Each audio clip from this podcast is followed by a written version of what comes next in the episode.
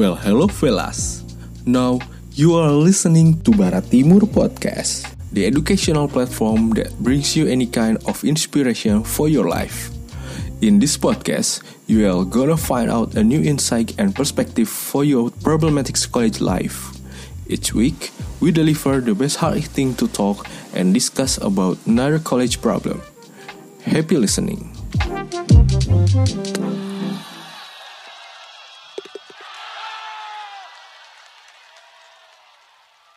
Oke, hola semuanya, bareng lagi sama gue Revanda di Barat Timur Podcast yang bakal nemenin uh, kalian bahas topik seputar mahasiswa tanpa basa-basi. Nah, di sini gue udah rame-rame nih bareng para aktivis pencetak kader dari masing-masing prodi yang ada di PSDK Unpad di Pangandaran. Nah, ada prodi ilmu komunikasi, ada Diar, kemudian di prodi keperawatan ada Nabila atau biasa dipanggil Acu, Terus di perikanan ada Prita, terus di prodi administrasi bisnis ada Clarissa, dan di peternakan di one and only adalah Alif Dino atau bisa dipanggil Boyet. Nah, gimana nih semuanya? Sehat-sehat kan? Ya, sehat selalu lah ya. Jangan sakit lah. Sakit mahal soalnya. nah, gimana? Sekarang udah masuk kuliah lagi kan semester ganjil kenapa ya? Ganjil berarti. Ganjil. Terus Ganjil. ospek juga nih namanya maba gitu kan pasti ada proses ospek atau pengenalan kampus. Terus lagi rame juga di Twitter tuh yang kemarin maba-maba UNES yang ospek online. Ya pasti udah pernah lihat lah ya. Kocak sih. Terus kalau bagi gue sih menarik banget buat dibahas nih tentang si ospek-ospek ini. Kalau menurut kalian gimana sih uh, pandangan dari masing-masing kalian nih tentang pentingnya ospek gitu. Sebenarnya penting nggak sih ospek tuh? Coba dari siapa dulu? Dari Acu deh, pengen tahu nih. Oke, uh, openingnya keren banget ya. Oke, uh, jadi kalau menurut aku pribadi sih ya mengenai ospek sendiri, uh, sebenarnya ospek itu menurut aku pribadi sih penting. Karena kenapa? Karena dengan ospek ini uh, diharapkan mahasiswa baru itu lebih kenal gitu loh dengan lingkungan yang bakal dia jalani nih selama empat tahun yang katanya sih ada peribahasa yang ngomong tak kenal maka tak sayang katanya gitu kan. Jadi dengan ospek ini sebenarnya sebagai media sih bagi mahasiswa baru untuk lebih kenal dengan lingkungan sekelilingnya. Lingkungan itu belum tentu bukan berarti hanya lingkungan kampus ya, tapi dari teman-temannya gitu kan. Karena di situ kan biasanya team building tuh bakal muncul dengan sendirinya kayak gitu sih. Makanya penting banget sih menurut aku ospek tuh. Uh, so, jadi biar apa ya masa orientasi uh, mahasiswa agar lebih kenal lagi nih sama apa yang akan mereka jalani ke depannya. Mungkin gitu dari aku. Asik. Yang lain gimana yang lain? Ada yang mau menyuarakan nggak? Ngomong dong. Ah, gak asik banget nih. deh, gue deh, gue ngomong. Sok, sok, sok. Berita gimana, Pet? Iya, kalau menurut gue juga penting sih, benar tadi kata Acu. Nah, ospek tuh emang sebagai wadah. Kalau misalnya kayak maba nih, baru masuk, mereka nggak tahu kan harus uh, gimana lingkungan kampus itu kayak gimana. Terus lebih susah aja sih kayak untuk mencari tahu sendiri dibandingkan dengan ikut ospek. Kalau ikut ospek kan udah ada uh, kegiatannya, terus juga lebih terfasilitasi aja sih gitu. Jadi penting. Oke. Clarissa gimana dari um, Advis? Iya, kalau menurut aku ospek itu sangat penting. Ospek itu ibaratkan sebuah gerbang, baik soal kampus, jurusan maupun jalinan pertemanan lebih mudah masuk lewat gerbang kan. Jadi ospek sebagai gerbang untuk menuju dunia perkuliahan. Oh gitu. Jadi sebagai kalau menurut Clarissa ini sebagai apa ya? Gerbang berarti sebagai hanya permulaan untuk hmm, kesiapan si maba ini buat menjalankan kegiatan selama perkuliahan gitu ya. Kurang lebihnya kayak gitu ya. Iya. Oh, dia gimana nih? Udah on mic aja nih. Uh, pertanyaan apa tadi? Penting gak penting ospek ya? Iya, menurut Oke. Okay. Menurut lo kenapa ospek itu uh, penting gak sih gitu ospek menurut lo? Ah, penting atau enggaknya kembali lagi ke motif kita masing-masing ya. Kalau lu nanya gue pribadi, menurut gue lumayan penting karena uh, gue orangnya penasaran dengan hal-hal baru gitu kayak ada apa nih di dalam uh, ilmu komunikasi, terus uh, apa apa aja sih yang dipelajarin terus kayak ospek tuh jadi media gitu, jadi uh, one on one-nya ilkom kalau menurut gue introduksi. Nah untuk untuk mengenali pilihan yang udah lo ambil, jadi kalau misalnya pikiran lu belum bersepakat dengan hati lu, nah ini ada yang namanya ospek jurusan kayak gitu. Wow, sangat filosofi sekali ya anak buahnya stoicism ini. kalau Boyep gimana ya? Halo. Ya, halo. Perkenalkan, nama saya Boyep dari peternakan. Kalau menurut saya pribadi, hmm. penting nggak sih ospek itu? Bisa dibilang penting ya, karena cakupan itu bukan hanya ketika di perkuliahan saja gitu. Jadi dengan Fapet sendiri mempunyai budaya gitu yang di, sangat dijunjung tinggi, yaitu etika yang baik dan juga kekeluargaan yang sangat erat itu di dalamnya. Jadi ya balik lagi ospek untuk Fapet itu sangat penting selain untuk dunia perkuliahan, nanti juga untuk di dunia kerja gitu di lapangan. Memang banyak orang bilang Fapet salah satu uh, yang ospeknya paling keras gitu bisa dibilang keras. Sebenarnya bukan keras juga sih, tegas lah bisa dibilang seperti itu. Memang penting nggak pentingnya bagi si maba itu bukan sekarang gitu, bukan pada saat proses ospeknya itu mereka merasakan uh, esensi dan manfaatnya, tapi ketika mereka sudah kerja, mereka mungkin mengikuti kegiatan di kampus, di perkuliahan juga, di kelas dan lain-lain, mereka akan merasakan gitu, oh ternyata ini gitu pentingnya ospek di mana kita nggak boleh nggak boleh lemah, kita nggak boleh gampang mengeluh atas keadaan, dan balik lagi etika dan kekeluargaan yang solid. Mungkin seperti itu sih kalau dari Pak. Oke, berarti bisa gue simpulkan dari kelima orang ini yang oh iya belum dikenali nih. Jadi lima orang ini adalah uh, bisa dibilang ketua pelaksana aspek jurusan dari masing-masing jurusan ya atau prodi gitu. Kecuali di sini kalau saya bukan Kang. Ya, kecuali kecuali Boyep yang mewakilkan uh, ketua dari ospek dari peternakannya karena tidak bisa hadir gitu. Tapi tetap gitu saya uh, sebagai ketua Korda Kopet Pandaran tahun ini yang di mana proker dari dari ospek Kopet itu sendiri saya yang tetap memiliki tanggung jawab tingginya seperti itu. Iya, itu mah harus.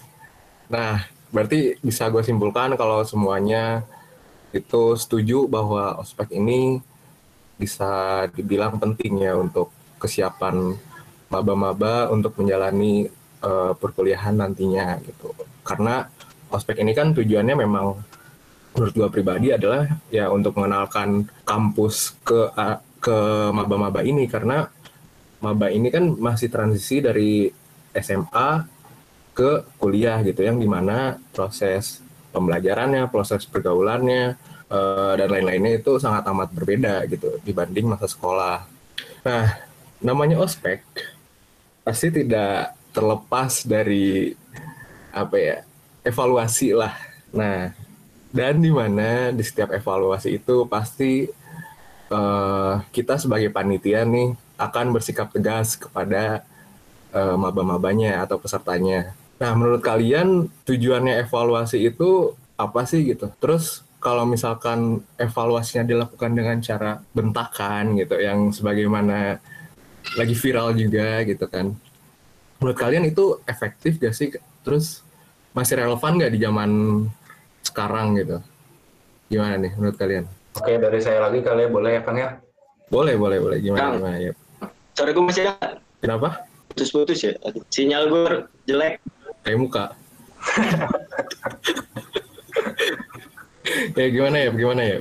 Kalau ditanya bentak-bentakan masih relevan atau enggak, kalau di Fapet sendiri mungkin masih relevan ya, tapi dengan dilakukan bentakannya itu memiliki esensi gitu. Jadi ada memang bukan hanya serta merta mencari kesalahan si maba, ingin melampiaskan uh, kita yang sekarang panitia tahun kemarin jadi maba gitu ingin melampiaskan karena tahun kemarin kita dibentak-bentak juga bukan sebenarnya. Karena balik lagi seperti poin sebelum sebelumnya saya sampaikan bahwa ospek ini juga berguna dan akan terus terasa manfaatnya bahkan hingga kita bekerja gitu atau kita jadi pengusaha atau apa pun itu. Intinya setelah kita lulus.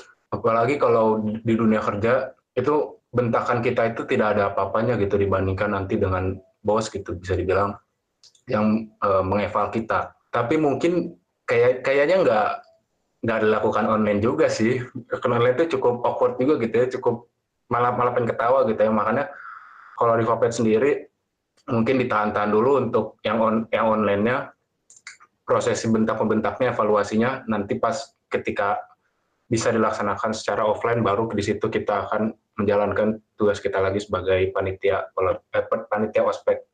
Mungkin segitu sih kalau dari Vapet mangga yang lain? Oke. Okay. kalau dari Clarissa gimana? Kalau menurut aku sebenarnya uh, boleh gitu adanya ketegasan. Cuman harus semestinya gitu. Jangan sampai itu di luar konteks dan uh, seperti kata aku tadi kalau ospek itu gerbang. Yang mana gerbang itu kan bakal dilewatin gitu bolak-balik masa sih memori si mahasiswa baru itu nantinya dia mengenang bahwa ospek itu uh, adalah sebuah ajang untuk dibentak-bentak gitu. Harusnya kan mereka uh, ingat ospek itu sebagai ajang perkenalan dan sesuatu yang menyenangkan gitu. Ibaratnya tegas juga tegas dengan porsinya kayak gitu. Dan abis juga kan uh, lebih ke keluar ke keluargaan gitu ya jadi tanpa bentak-bentakan gitu paling cuman evasu, evaluasi sedikit gitu. Jadi lebih baik kalau ospek itu uh, santai aja gitu tapi uh, jika ada ketegasan itu sesuai dengan porsinya nggak perlu uh, sampai marah-marah atau balas dendam dan bahkan uh, cutting itu jangan sampai dia mikir ini tuh nggak berat gitu. Malah angkatan aku tuh lebih berat lagi. Ini tuh cuman cetek gitulah intinya jangan sampai ada pemikiran kayak gitu. Oke terima kasih Clarissa pandangannya. Kalau dari Prita gimana nih? Kayaknya Prita bangga-bangga sekali nih. Tadi pertanyaannya masih relevan nggak? Ospek dibentak-bentak ya? Hmm, kalau dari perikanan sendiri sih sebenarnya hmm, gimana ya? Jujur kalau misalnya tahun ini nih uh, bisa dibilang agak dikendorin lah tensinya.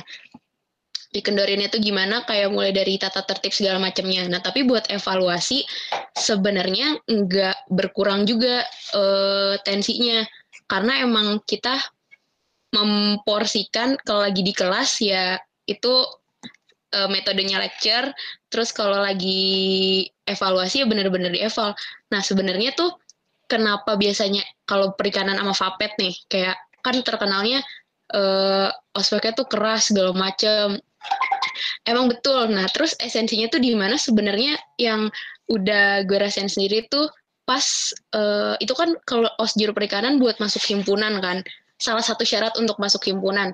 Nah, pas gue masuk tuh ada rasa bangga tersendiri karena mendapatkan si jahimnya itu emang susah gitu, nggak segampang itu.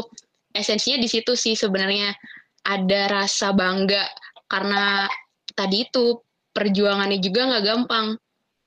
Nah, tapi kalau misalnya buat e, dibentak-bentak, itu balik lagi sih ke esensi dari ngebentak itunya apa. Kalau kalau sebenarnya kalau tim eval udah ada aturannya sendiri kan kayak misalnya sebelum nge-eval tuh mereka briefing dulu hari ini uh, mereka yang harus dieval apa nah nanti dibuat polanya gimana buat nyampein evaluasinya itu ke maba nah terus dibuat di akhir juga kan karena setelah rangkaian kegiatan biasanya kan mereka capek tuh nah biasanya di titik mereka capek itu lebih gampang buat ngedengerin masukan-masukan. Nah, di situ emang waktu yang pas buat eval. Nah, balik lagi kalau misalnya buat dibentak-bentak itu eh, relevan kalau misalnya yang disampaikannya itu juga ada manfaatnya gitu buat si maba. Ada ada isinya lah, nggak cuma asal doang. Itu sih kalau dari perikanan. Wow, keren sekali ya jawabannya. Saya sebagai cuttingnya merasa bangga. kan dulu saya diospek sama Anda. saya merasa berhasil. Oke, berarti apa yang disampaikan oleh cutting-cuttingnya untuk Prita pribadi ya cukup masuk juga ya gitu. Masuk, masuk. Dirasakan kok sampai sekarang. Oke, gila gila gila gila. Kalau dari Acu gimana, Cu?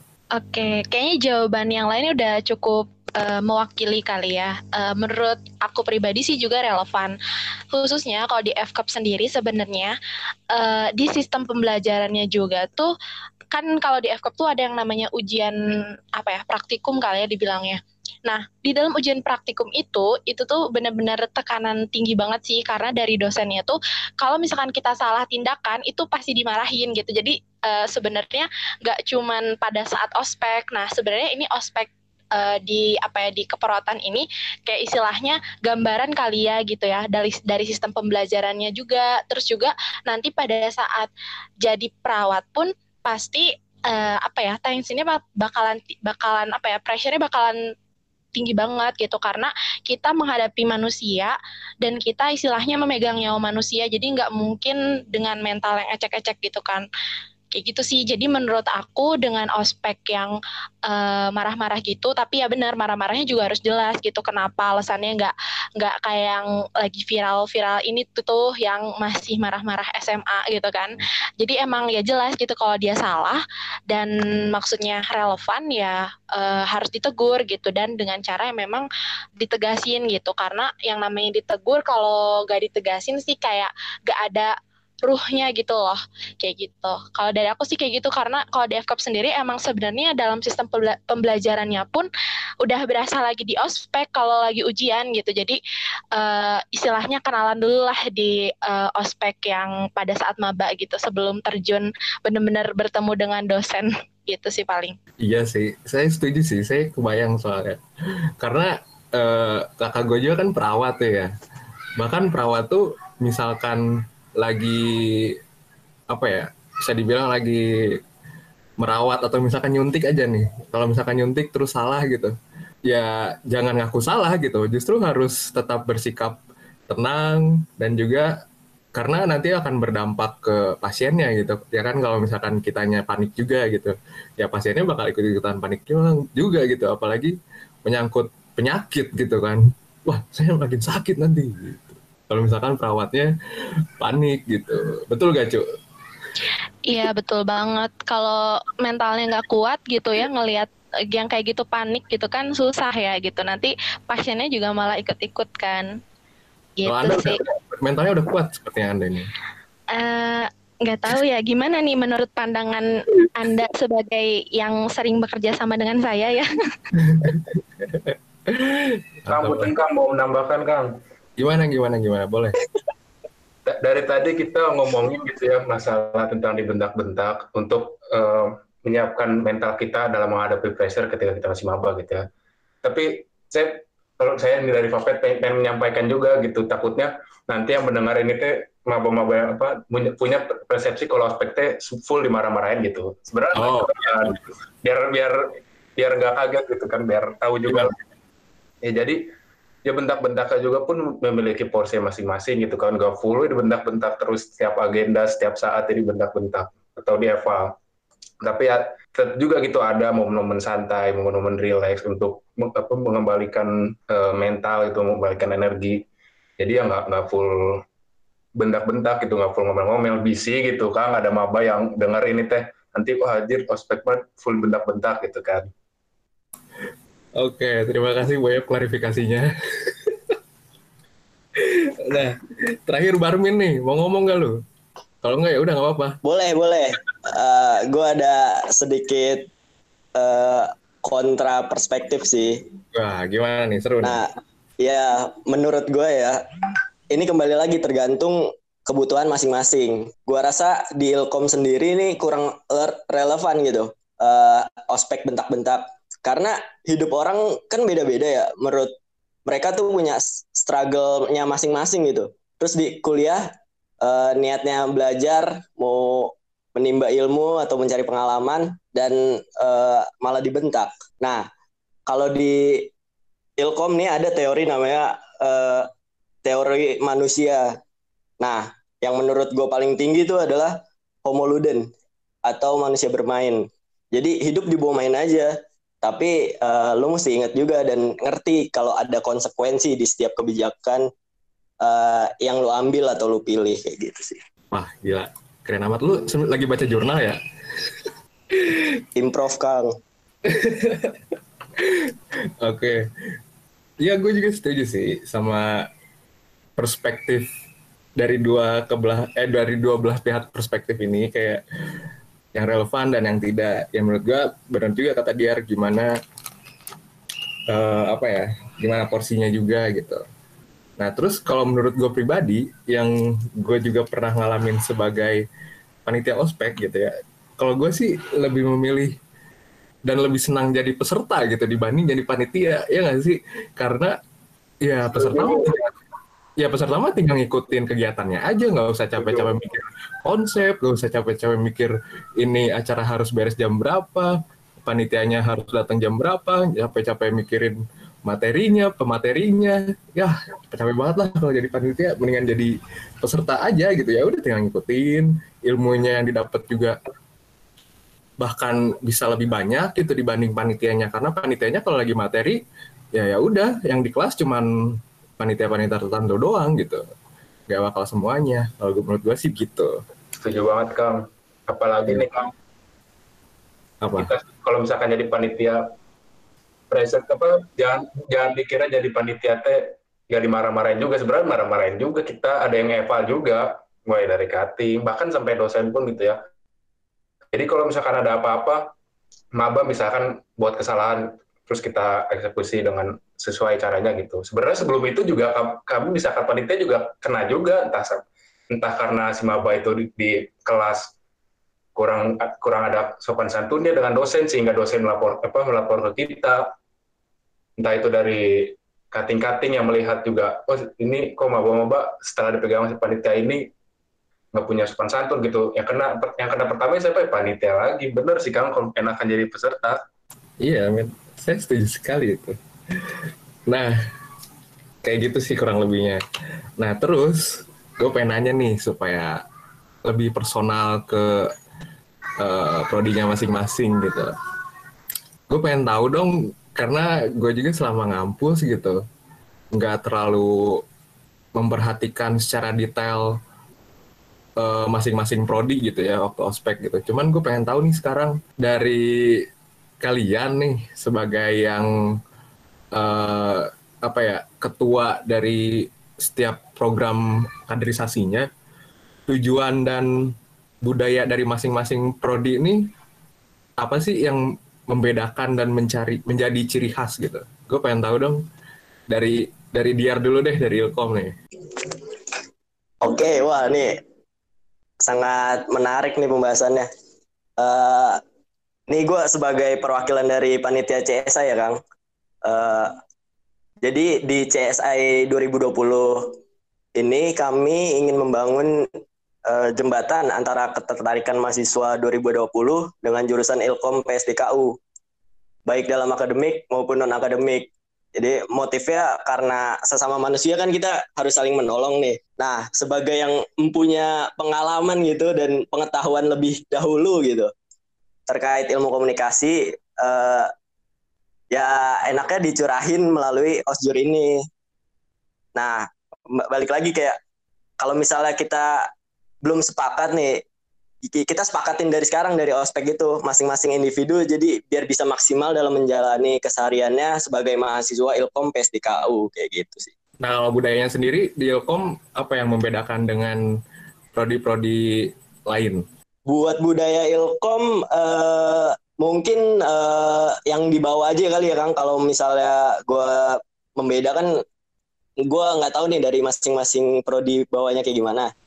Kalau dari Ilkom sistem rangkaiannya tuh yang ber, yang bertahap gitu Kang. Jadi selama CSI itu kayak gitu budayanya. Terus juga tugas-tugas seperti riset, bermedia dan lain-lain itu wajib dibawa karena eh, relevan banget dengan eh, keseharian kita sebagai mahasiswa ilmu komunikasi. Nah, terus pokoknya dikemas secara menyenangkan dan tetap ada nilai kekeluargaannya.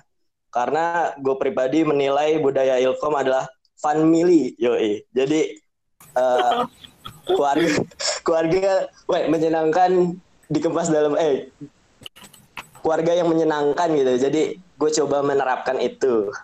Asik. Kalau lu tuh uh, ketua yang tahun berapa sih? Yang buat yang ospek angkatan berapa?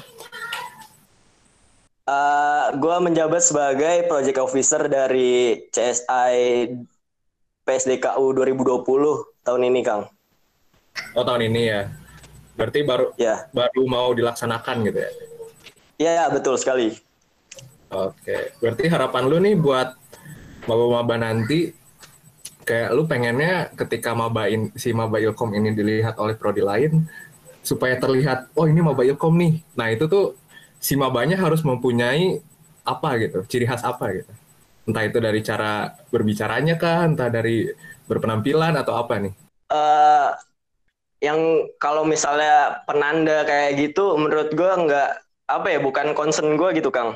Kalau misalnya, uh, wah ditandain anak ilkom nih, itu menurut gue udah apa ya, kehilangan makna gitu, jauh jauh maknanya dari uh, kehidupan mahasiswa kalau menurut gue.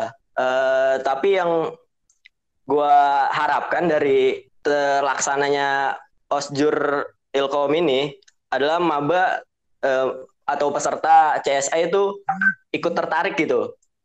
Uh, tertarik dengan pilihannya sebagai mahasiswa ilmu komunikasi terus uh, ya bisa menjalankan kesehariannya dengan maksimal. Oke okay, oke. Okay. sangat menarik sekali ya ini sebagai bapak ini bapak sebagai ini Selanjutnya Terima kasih, siapa Kang. nih?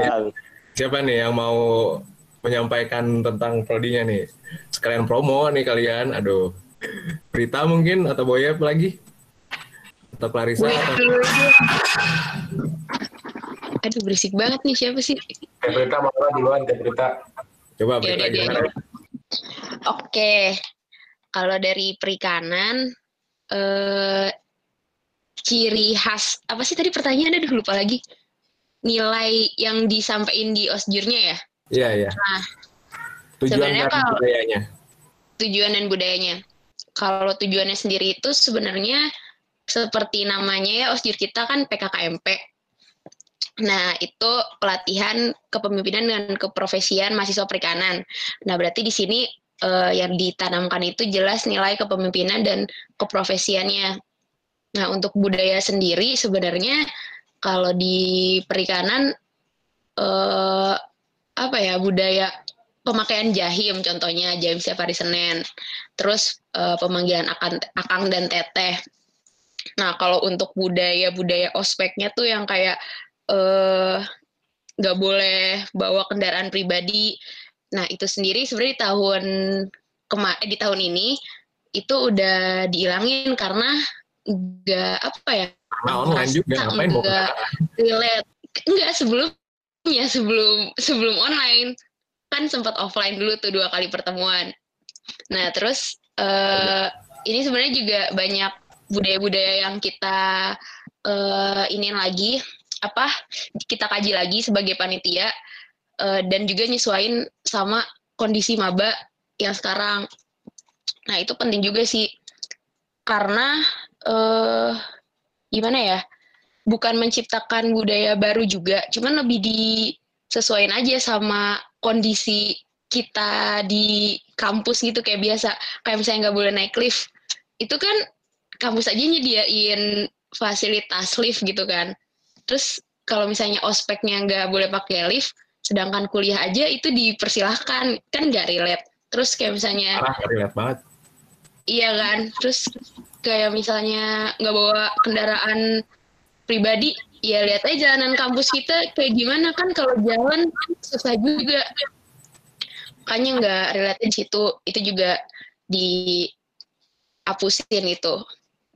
Nah terus eh, intinya itu kalau dari perikanan eh, adalah menambah nilai kepemimpinan dan keprofesian dari si mabanya itu sendiri, peserta lah gitu. Karena kalau di perikanan tahun ini osjurnya itu dia pakai kontrak, jadi nggak semua nggak semua maba ikut di osjurnya gitu. Jadi lebih ke emang maba-maba yang merasa butuh buat ospek jurusan ini, dia yang tanda tangan kontrak itu yang ikut yang jadi peserta gitu. Kalau dari perikanan. Alright, alright. Kalau Clarissa gimana nih dari Atbi sendiri? Budaya dan tujuan ospeknya tuh kayak gimana sih? Kalau yang gue tahu kan di struktural himpunannya aja semacam kayak perusahaan gitu kan ada direksi, ada direktur utama dan lain-lain. Gimana nih? Oke, nah kalau budaya dari profit ini ya, profit itu aspeknya uh, administrasi bisnis. Budayanya itu uh, profesionalisme dan kekeluargaan, yang mana kita itu harus profesional, tapi di sisi lain kita tetap memiliki sikap kekeluargaan gitu. Jadi bisa dibilang kalau Adis itu emang santai. Terus hal itu juga bukan cuma di profit sih, tapi di seluruh kegiatan Himabis soalnya profesionalisme dan kekeluargaan itu merupakan asas Himabis. Nah, kalau tujuan ospeknya e, sebagai gerbang awal pengenalan lingkungan administrasi bisnis kepada peserta profit, di sini tuh nggak cuma uh, soal materi aja, tapi kita ngenalin juga dosen, budaya abis, dan hal terus sebagai program kaderisasi dasar rekrutmen pengurus branch Himabis. Nah, kita kan sistemnya tuh sistem korporat gitu ya, strukturnya juga perusahaan. Yang mana kita prof itu ibaratnya kita lagi ngenalin gitu potensi apa yang ada di mereka. Kita ibaratnya tuh HRD-nya lagi uh, mengenali potensi mereka gitu. Si ini tuh mas cocoknya masuk departemen apa sih? Si maba ini tuh masuk departemen apa gitu. Dan ketika mereka ngelamar tuh kita nggak cuma lihat dari hasil wawancaranya juga tapi kita lihat juga mereka ketika profitnya gimana. Apakah si wawancara itu tuh sesuai dengan karakter mereka ketika profit apa enggak kayak gitu. Hmm, berarti lebih apa ya meninggikan atau mengutamakan kekeluargaannya gitu ya supaya ya karena adbis ini sistemnya adalah eh sistemnya apa lulusannya bisa dibilang nantinya akan dipermudah untuk kerja korporat gitu jadi ya mungkin bisa dibilang dibiasakan dari sekarang juga mungkinnya dengan sistem korporat ini sehingga nanti uh, lulusannya tidak terlalu kaget menemui dunia kerja lagi mungkin gitu ya Hmm, iya betul. Jadi dari Himabis atau dari Adbisnya sendiri juga kan kita selalu diajarinnya tuh sistem korporat korporat gitu terus. Jadi kita nggak kayak harus apa ya nggak kayak harus uh, lebih ke serius banget, tapi kita tetap kekeluargaan karena kan di suatu perusahaan juga uh, kita mementingkan apa ya kenyamanan kita dalam bekerja juga. Jadi kita emang nggak ini sih nggak terlalu fokus ke profesional aja, tapi kita juga menekankan kekeluargaan. Oke, okay. kalau dari Acu gimana nih FCOP nih? Kayaknya biasa aja. eh tadi pertanyaannya apa sih? Tujuan dan budaya dari FCOP sendiri kayak gimana sih sama ospek? Dan ya atau uh, di ospek itu sendiri mau mengenalkan tujuan dan budaya apa dari FCOP itu? Oke, uh, seben sebenarnya mau ini dulu sih, mau cerita dulu ya. Jadi sebenarnya kalau di FCOP ini, yang tahapan sekarang yang akan nanti dijalani oleh uh, mahasiswa baru itu sebenarnya lebih ke istilahnya mungkin kalau di dulu acara di PM eh, di apa namanya di PSDKU itu kayak LKMM kali ya. Nah, ini tuh semacam kayak gitu, semacam latihan kepemimpinannya karena sebenarnya untuk pengenalan kampus sendiri karena kebetulan emang fakult FKP itu hanya satu prodi ya jadi uh, itu difokuskan di pengenalan pada saat uh, uh, apa ospek fakultas. Nah itu tapi memang LDKM ini di apa ya dirancang untuk uh, ya istilahnya ospek jurusannya lah ya kayak gitu. Cuman memang kalau misalkan di LDKM ini lebih menekankan ke kepemimpinannya gitu. Nah uh, Terus kalau misalkan soal budaya yang akan di apa ya yang akan diberikan gitu. Sebenarnya ini juga yang selalu dosen tuh uh, apa ya sampein gitu ya ke kita kita dari awal itu benar-benar dicekokin lah istilahnya gitu bahwa kita itu sebagai perawat harus caring gitu. Uh, nah itu juga yang akan di uh, apa ya yang akan mem, di dari dari kita diberikan gitu kepada mahasiswa baru gitu karena kenapa sih gitu ya karena itu tuh jiwa caring tuh belum tentu semua orang memang udah terasah kayak gitu kan uh, dan itu tuh perlu proses lama banget gitu untuk bisa lebih caring, lebih peka lagi sama lingkungan sekitar kayak gitu karena itu yang bakal berguna banget buat di pekerjaan kita khususnya menjadi perawat gitu ya. Uh, dan sebenarnya uh, lulusan Unpad gitu ya, uh, itu tuh memang dituntut kayak apa ya lebih harus lebih caring. Mungkin Kang Reva juga merasakan kali ya uh, karena kakaknya di FKUP juga gitu. Nah itu emang kita selalu dicekokin itu pokoknya. Kayak harus caring harus caring harus empati. Belajar empati jangan simpati kayak gitu.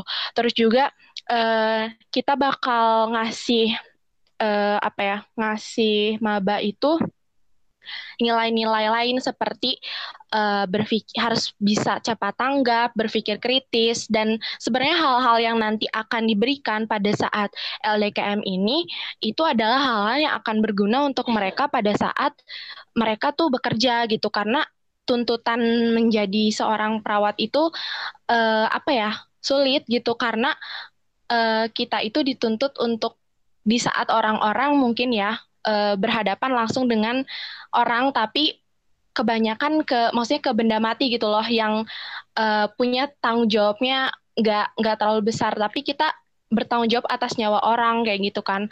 Nah, itu menjadi PR juga sih ya, maksudnya dari pada saat uh, mulai perkuliahan, pada saat perkuliahan gitu. Gimana caranya untuk membentuk si mahasiswa baru ini sampai akhir itu punya jiwa kayak gitu gitu sih yang selalu dicekokin sampai saat ini gitu kalau dari aku pribadi. Hmm, berarti lebih ke supaya jadi perawat banget gitu lah ya. Iya ya. dong, masa mau jadi apa? iya bener. apa sih gue? Ya supaya bener sih, supaya ya karena kan setiap orang kan ada yang starting point caringnya tuh beda-beda juga gitu. Ada yang care banget, ada yang bodoh amat gitu. Jadi mungkin supaya bisa dibilang uh, memenuhi standar perawatnya gitu lah ya. Iya uh, benar banget. Kalau dari Boyep gimana nih terakhir berarti? Sebelumnya sebelumnya nih Kang ada satu poin yang pengen saya sampaikan ya untuk mengingatkan kita semua kembali gitu ya, terusus untuk maba dari prodi mana pun itu ini kita ngomongin budaya nih. Saya tuh kepengen gitu ya, seneng lah kalau kalau ngelihat setiap maba dari beda-beda prodi itu memiliki kebanggaannya tersendiri terhadap prodinya masing-masing gitu. Jadi menurut saya wajib gitu setiap maba atau kita mungkin ya yang telah melewati masa orientasi itu merasa bahwa prodinya itu memiliki budaya yang paling paling bagus gitu ya, paling sesuai dan lain-lain. Nah, kita ngomongin budaya ospek nih sekarang. Mungkin saya pengen co coba menjelaskan dari agenda ke agenda supaya jelas gitu arahnya Vapet itu ospeknya mau ngapain sih tujuannya apa. Dari pertama itu ada kalau di Vapet itu kalau di Vapet itu ada ya ada eh, PMBF dan juga Geo, Geopolbin namanya itu grand opening ya itu standar lah kita kumpul-kumpul pertama melihat secara langsung teman-teman kita yang sama-sama di Vapet dan juga sekaligus uh, acara seremonial bahwa kita ini sah menjadi uh, menjadi anak Vapet seperti itu. Lalu kemudian ada pakem namanya itu di, di oh sebelumnya nama ospek di Vapet itu adalah Polabina ya atau biasa disebut Polbin. Jadi rangkaian Polbin kedua itu ada namanya pakem dan itu dilaksanakan beberapa kali. Pakem itu uh, bersifat untuk mengenalkan kita maba bahwa di Vapet ini prospeknya itu sangat luas dari dari segi komoditasnya gitu ada kam, ada kambing domba ada kuda ada unggas bahkan sapi pun bisa dibagi lagi kambing bisa dibagi-bagi lagi banyak lah kalau dikerucutkan itu jadi sekalian di, di sisi lain kita mengenalkan di sisi lain juga si maba ini dia mencari, dia mencari jati dirinya juga gitu bahwa dia ini cocoknya ke mana. Jadi ketika lulus pun entah itu jadi pengusaha, jadi peternak gitu ya, entah itu kerja ataupun yang lain-lain, itu mereka sudah tahu mereka akan fokus di mana karena balik lagi di Vapet itu cangkupannya itu luas banget.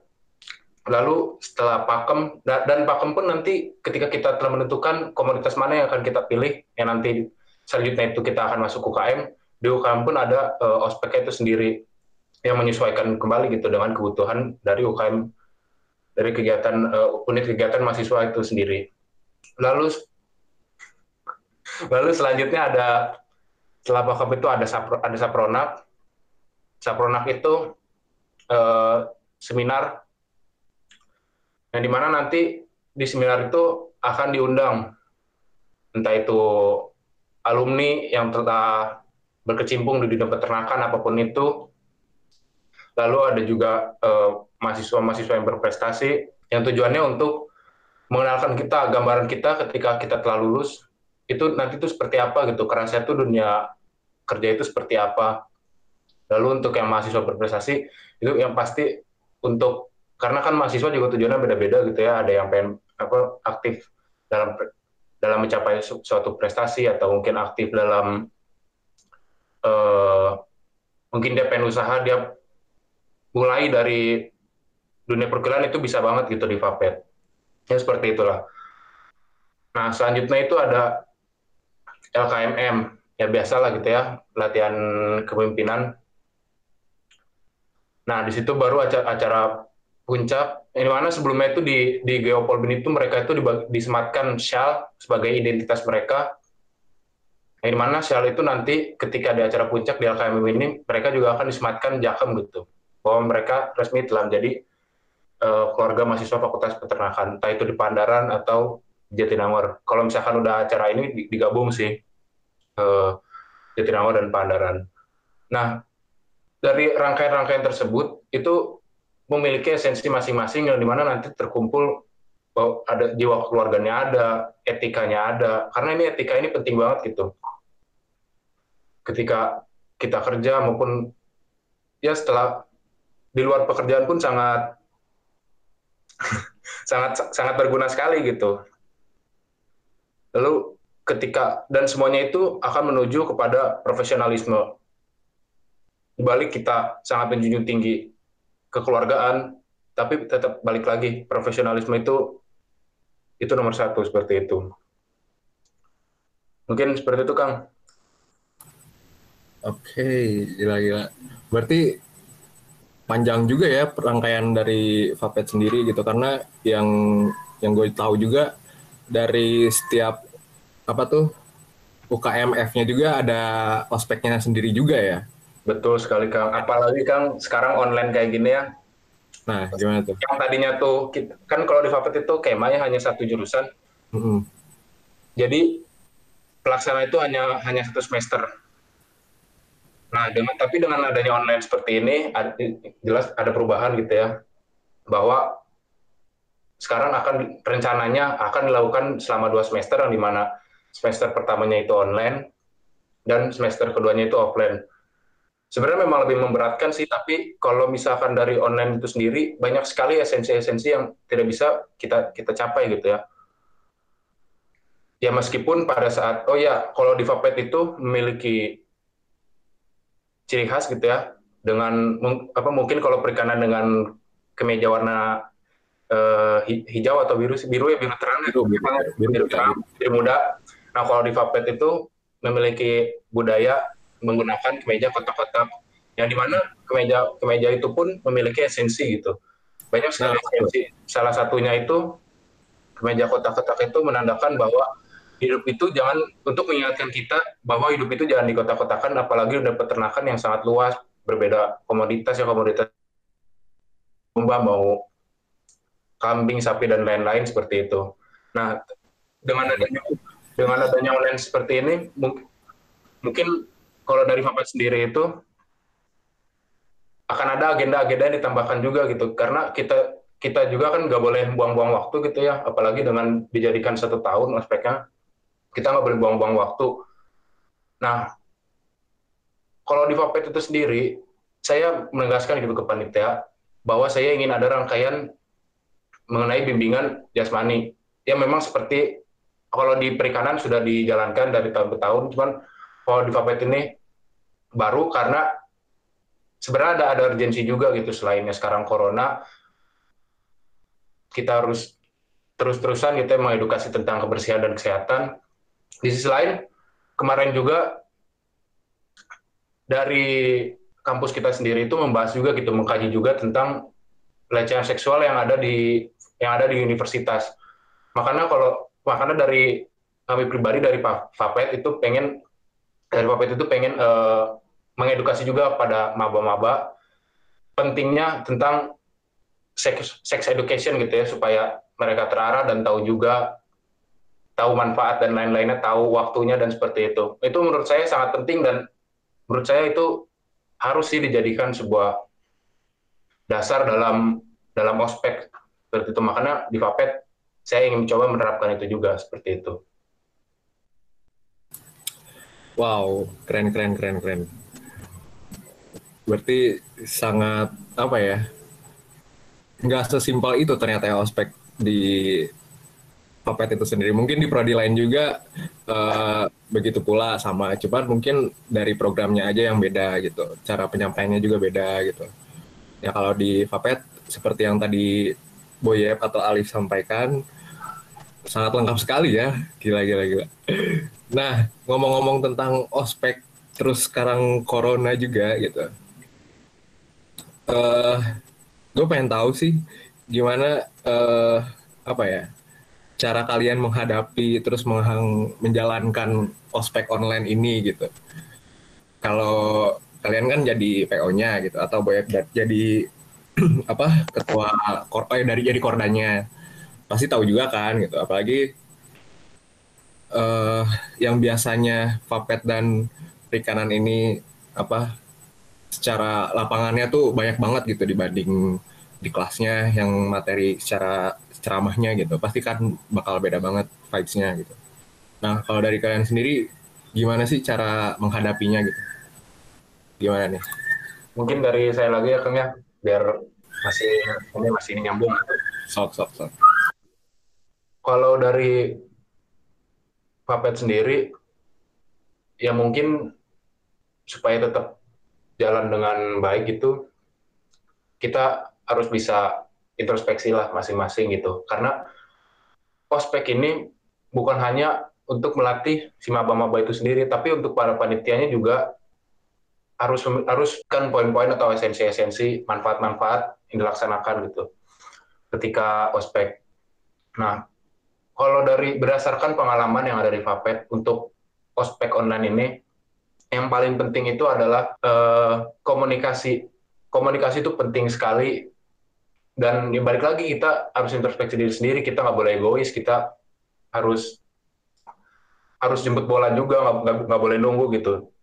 Intinya komunikasi karena di Vapet itu sering banget terjadi gitu kok kayak gini kok kayak gini gitu terjadi kesalahan. Yang di mana itu sebenarnya gara-gara komunikasi aja yang kurang. Contoh kalau di Vapet itu panitia itu juga memiliki uh, steering committee atau SC yang di mana panitia pun ada yang mengawasi ada yang mengeval gitu. Ketika ada uh, agenda atau rapat misalkan atau rangkaian polbin si uh, salah satu peserta ini tidak bisa hadir padahal dia memiliki, memiliki kegiatan yang lain gitu yang, yang cukup penting juga bahkan menyangkut keluarga seperti itu. Tapi karena dia tidak bilang karena dia tidak mengkomunikasikan apa yang terjadi pada dia gitu. Jadi kita pun dan bagi SC yang yang mengevaluasi para para panitia itu pun memiliki prasangka buruk juga. Dan itu sebenarnya kan kalau misalnya pikir-pikir lagi kalau misalkan tahu juga alasan kenapa nggak jadi masalah. Tapi karena komunikasi yang yang buruk gitu dan kita kurang kepekaan itu semuanya menjadi berantakan seperti itu paling komunikasi intinya kan oke oke oke yang penting berarti uh, dimaksimalkan secara komunikasi secara verbalnya mungkin ya karena ya cuman itu satu-satunya yang bisa kita semua mungkin lakukan sekarang gitu kalau dari Acu sendiri gimana nih FKOP? Oke, okay. kalau dari FKOP sendiri sebenarnya karena ya ospek FKOP biasanya pun ya di kelas gitu, nggak kayak Fapet atau perikanan yang emang ada lapangan. Jadi memang kalau misalkan menyikapi dari program daring ini, ya uh, bakal sebenarnya dari rangkaian acaranya sih dari tahun-tahun sebelumnya sih sama aja gitu ya, kayak gitu-gitu aja. Tapi mungkin kalau sekarang itu karena memang apa ya karena memang sekarang sulit juga komunikasi dan biasanya kalau misalkan orang daring itu lebih gimana ya lebih untuk uh, apatis itu istilahnya lebih tinggi lah ya dibanding pada saat uh, di kita bertemu langsung gitu. Nah, kalau misalkan di FCOP sendiri sekarang tuh bakal lebih di apa ya ditekankan mungkin di eh, kelompok-kelompok kecil gitu. Jadi agar bisa mencangkup semuanya. Jadi semuanya bisa istilahnya bisa kan uh, tujuan dari ospek ini kan untuk mengenal gitu kan. Nah, uh, kalau misalkan di dalam kelompok besar tuh biasanya kita lihat aja pada saat perkuliahan tuh sangat gimana ya, sangat apatis banget gitu kan orang-orang. Nah, jadi lebih baik uh, kalau misalkan di FCUP itu uh, akan dibentuk seperti itu gitu di kelompok-kelompokan kecil gitu. Karena biar lebih saling mengenalnya tuh uh, lebih nyaman lah ya gitu istilahnya kalau misalkan di dalam kelompok kecil. Kayak gitu sih paling kalau di FCUP tapi kalau dari rangkaian acaranya dan kegiatannya itu sebenarnya masih sama. Karena FKP itu kan nggak ada lapangan lah ya istilahnya nggak kayak Vapet dan perikanan gitu. Jadi ya begitu. Sama aja sih cuman gitu aja. Tapi uh, dikemasnya mungkin dari media-medianya lebih seru aja sih. Gitu mungkin. Tapi ada kayak praktek apa ya yang berbau-bau langsung ke perawatannya nggak sih? Kayak misalkan nyuntik gitu atau cek darah kah atau cek tekanan darah atau apa pun itu ada nggak sih secara selama ospek gitu? Nah itu gimana? Uh, uh, Oke, okay. kalau misalkan selama ospek dari aspek-aspek sebelumnya pun lebih ke mungkin sharing-sharing sih ya kayak tentang hal tersebut gitu nggak lebih apa ya maksudnya nggak ada praktek secara khusus karena kalau pembelajaran di FKP itu istilahnya kayak leveling gitu. Jadi dari semester 1 sampai semester 7 itu ketika kita uh, mau misalkan mau ke semester uh, yang lebih atas, nah itu tuh kita harus bisa uh, paham dulu nih yang semester sebelumnya gimana. Jadi makanya kenapa uh, untuk kompetensi-kompetensi yang misalkan kayak nyuntik, terus kayak uh, apa namanya tensi dan sebagainya itu uh, harus misalkan harus paham dulu nih dasarnya tuh kayak gimana sih gitu. Terus harus juga tahu uh, esensinya tuh gimana sih sebelum menempuh ke arah situ gitu. Paling untuk di ospek ini sendiri mungkin lebih dikenalkan uh, melalui sharing-sharing aja. Tapi nggak apa emang nggak nggak secara praktek gitu. Takutnya jadi mal praktek juga ya kalau misalkan tidak sesuai rulesnya. Gitu paling Hmm, berarti baru apa ya? Baru semacam apa ya? Kayak pandangan dari cutting-cuttingnya aja mungkin ya. Terus mungkin baru tutorial-tutorial aja mungkin ya. Tapi secara prakteknya nanti akan dilakukan di perkuliahan sama dosen gitu ya, karena yang lebih ahli gitu. Mungkin gitu. Iya bener, tapi kalau sekarang sih di LDKM sekarang ya itu bakal lebih divisualisasikan gitu loh secara okay. uh, uh, eh, waktu dulu kan lebih ke sharing-sharing nih. Kalau sekarang di LDKM ini uh, lebih ada apanya ya? Kayak visualisasinya nih kan biasanya cuman kayak tahu dari kata-kata gitu. Nah, hmm. sekarang kita akan menggambarkan secara uh, apa ya? Secara ada animasinya dan sebagainya gitu. Jadi biar lebih kebayang aja sih oh kayak gitu ternyata di keperawatan gitu. Ada ada visual tentang reproduksi nggak? Uh, Oke okay, lanjut uh, gimana uh, Clarissa gimana Clarissa? Kalau Adbi sendiri gimana? Uh, untuk aspek online ya? Iya. Yeah. Kalau profit, kalau profit sih sebenarnya uh, mengubah nilai jadi uh, tidak mengubah apa pun sih. Maksudnya kalau untuk nilai-nilai dan budaya yang yang lainnya itu tetap seperti dalam keadaan offline gitu.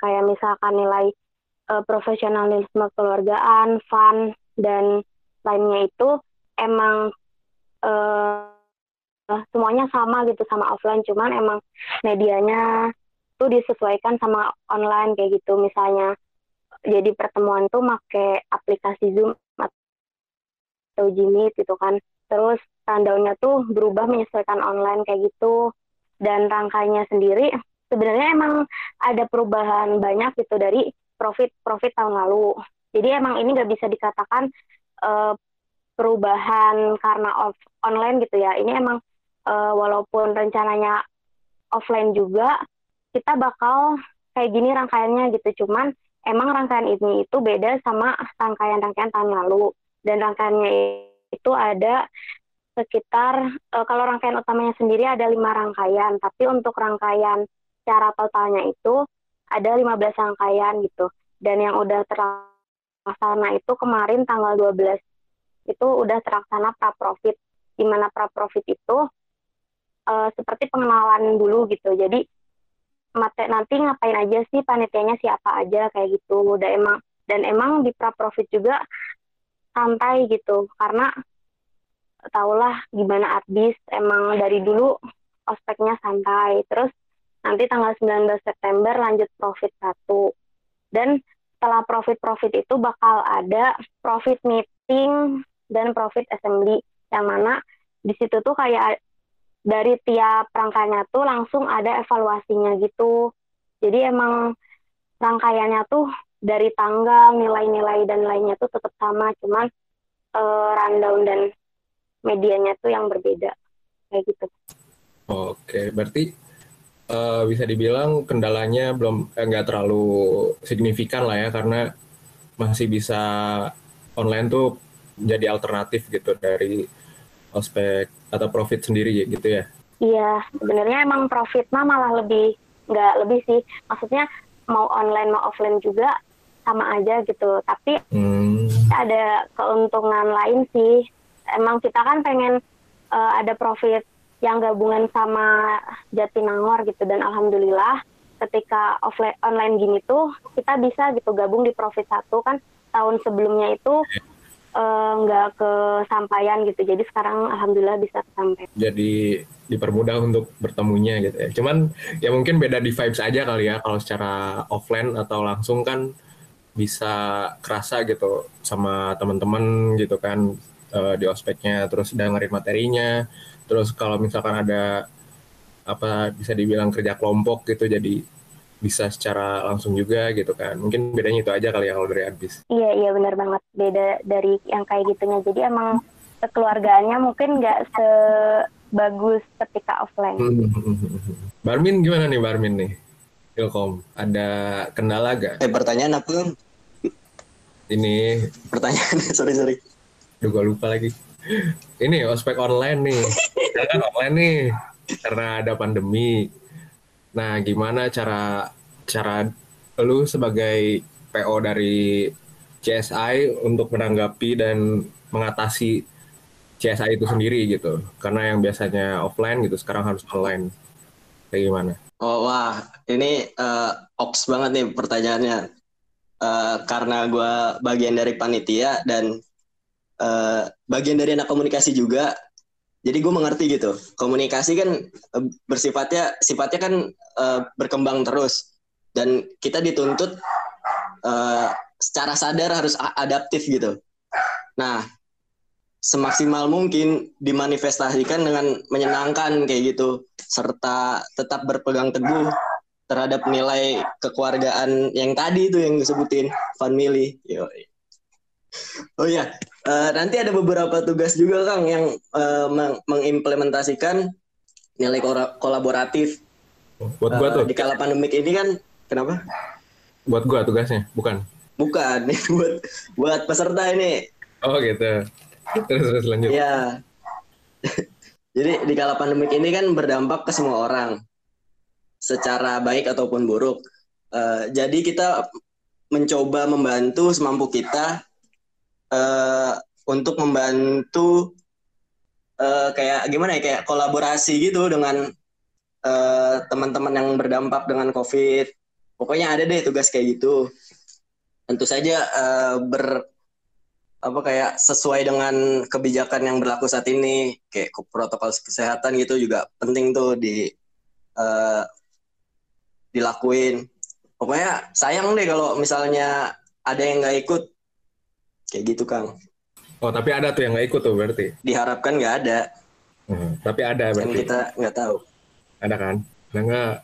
Spill kalau ada spill. Biar ikut.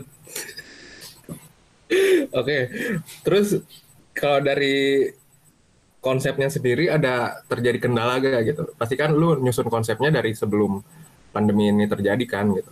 Nah ada yang Hmm. kayak rubah gak gitu atau jadi pakai alternatif lain gitu? Gimana? Oke, eh, izin jawab Kang. Buat konsep sendiri, eh, emang kalau dari dilihat dari tahun kemarin tuh ada beberapa perubahan. Ya, ya yaitu ya kayak eh, disangkut pautin dengan kondisi kayak gini. Nah, kalau sebenarnya nggak nggak terlalu rumit sih menurut gua karena eh, ya dibawa asik aja kayak tadi gue bilang. Eh, setiap hari gua merasa eh, bermain-main dengan konsep-konsep yang ada terus juga eh, tidak merasa dibebankan kayak gitu sih melihatnya gue lebih orang yang ke melihat in a positive way Asik. kayak gitu Berarti Anda sebagai eh, project officer ini menyusun proposalnya menggunakan stoicism sepertinya ya.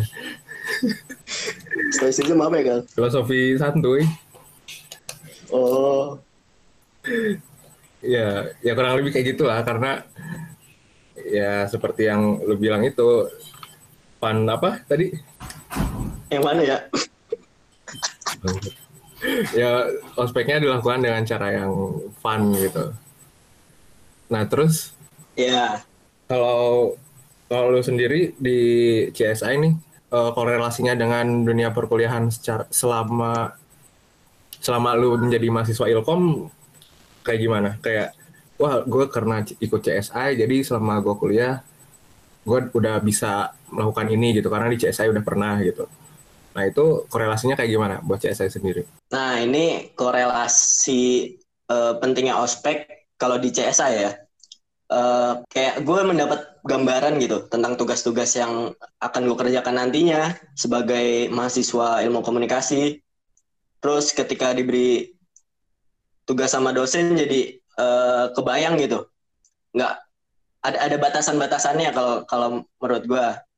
Terus nilai- nilai-nilai penting dalam kepribadian juga Eh, itu yang bisa gue ambil tuh. Eh, lalu etika, etika juga etika dalam eh, perkuliahan, berbicara sama dosen, eh, ngechat dosen juga ada, kayak gitu Kang. Eh, ya diharapkan mahasiswa ilmu komunikasi ini eh, memantapkan eh, pilihannya sama yang udah mereka pilih ini kayak gitu. Oke oke oke. Saya mengerti anda arahnya ke mana ya. Kalau dari Prita sendiri gimana Prit? Perikanan apa yang mau eh apa yang mau lagi? Kayak gimana kendala dan apa mengatasi PKMP secara online ini? Hmm, kalau dari perikanan sebenarnya kendala banget buat online kayak gini. Soalnya dari awal tuh nyusun konsepnya itu eh, kita tuh lebih banyak buat langsung terjun ke lapangan. Contohnya kayak biasanya eh, metodenya tuh cuma di kelas doang kayak eh, materi biasa gitu duduk. Nah, tapi kalau ini tadinya konsepnya tuh abis materi eh, siangnya kita langsung terjun ke lapangan kayak misalnya materi penangkapan. Paginya dikasih materi tentang GPS nah nanti langsung tracking di lapangan kayak gitu. Nah tapi kan kalau online gini bingung juga kan mau trackingnya gimana. Dan juga rata-rata tuh alat yang eh, dibutuhin buat implementasi langsung ke lapangannya tuh ada di lab semua. Jadi kayak eh, peserta juga nggak bisa ngelakuin di rumah terus kayak mereka tuh punya nyawa jadi kalau di perikanan tuh nyawanya itu satu akuarium isinya ada sejumlah peserta mereka satu angkatan.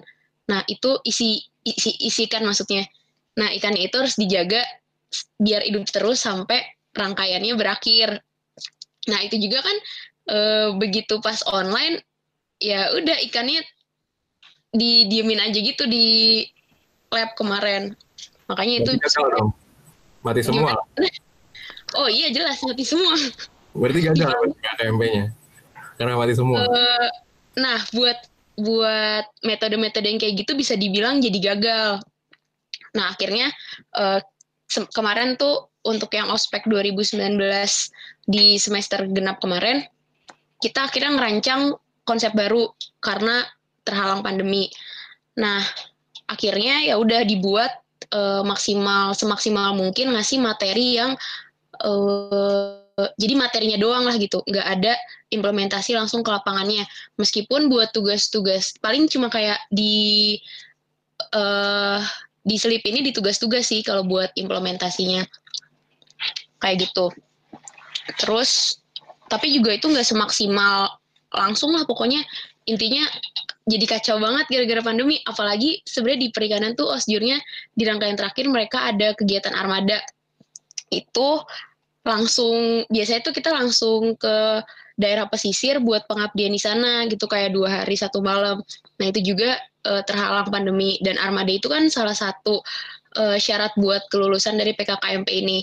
Makanya kita juga masih bingung nih untuk merancang konsep armada secara online ini untuk gak untuk tetap mempertahankan nilai pengabdiannya tapi dibuat secara online. Ya intinya terkendalanya jadi gitu sih karena perikanan tuh harusnya banyak ke lapangan gara-gara online. Ya jadi online semua gitu dibikin kayak biasalah materi perkuliahan. Tuh nilai-nilainya kurang dapat situ sama nilai-nilai kayak uh, kedisiplinan kekeluargaan itu juga masih kurang dapat karena kayak telat masuk room kan kita juga nggak bisa nyalahin semena-mena ke peserta bisa jadi gara-gara sinyal segala macam pokoknya bisa aja lah dibikin alasan. Makanya juga buat evaluasi segala macam belum terlaksana sebenarnya. Karena uh, dari panitia sendiri nggak terlalu setuju buat evaluasi secara online. Lagi-lagi ya itu selain nggak dapet aja esensinya terus uh, ya kurang lah intinya jadi mungkin nanti kalau misalnya pandemi udah berakhir uh, akan ada kebijakan lain untuk yang ospek jurusan 2019 kemarin gitu kayak btw kalau osjur perikanan ini kan di semester genap. Mungkin beda sama yang lain ya, ada yang di semester ganjil. Jadi uh, kalau buat yang tahun besok semoga aja sih udah selesai ya pandeminya jadi bisa berjalan seperti biasa lagi. Gitu. Berarti yang belum belum diimplementasikan bakal diaplikasikan nanti ketika udah beres apa gimana ya? Apa emang ya udah cuman sekedar materi aja gitu? kita sebenarnya lagi ngeliat juga ini sih pandeminya tuh kira-kira beres sampai kapan. Cuma untuk kebijakan uh, yang sekarang rangkaian yang kemarin tuh udah di bukan di cut juga, iya di cut dulu sih gitu. Nah untuk yang armada itu belum ada kebijakannya lagi sebenarnya. Uh, rencananya tetap dibuat bentuk pengabdian masyarakat mungkin akan dibuat bentuk online cuman kalau masih memungkinkan ya kalau bisa offline gitu. Kalau misalnya masih ada waktunya. Jadi masih ngeliat ke depannya gimana sih dari panitia sendiri belum uh, belum mutusin kebijakan buat yang armada itu. Tinggal itu doang implementasi yang belum uh, terrealisasikan. Oke, okay. gimana nih? Menambahin? Menambahin Kang berhubungan nih dengan pengimplementasian ilmu oh, gimana? kepada dunia peternakan itu kebetulan apa uh, di sini di sinilah kami beruntung gitu ya sebagai mahasiswa FAPET yang di mana fakultas fakultasnya itu cuma terdiri dari satu prodi.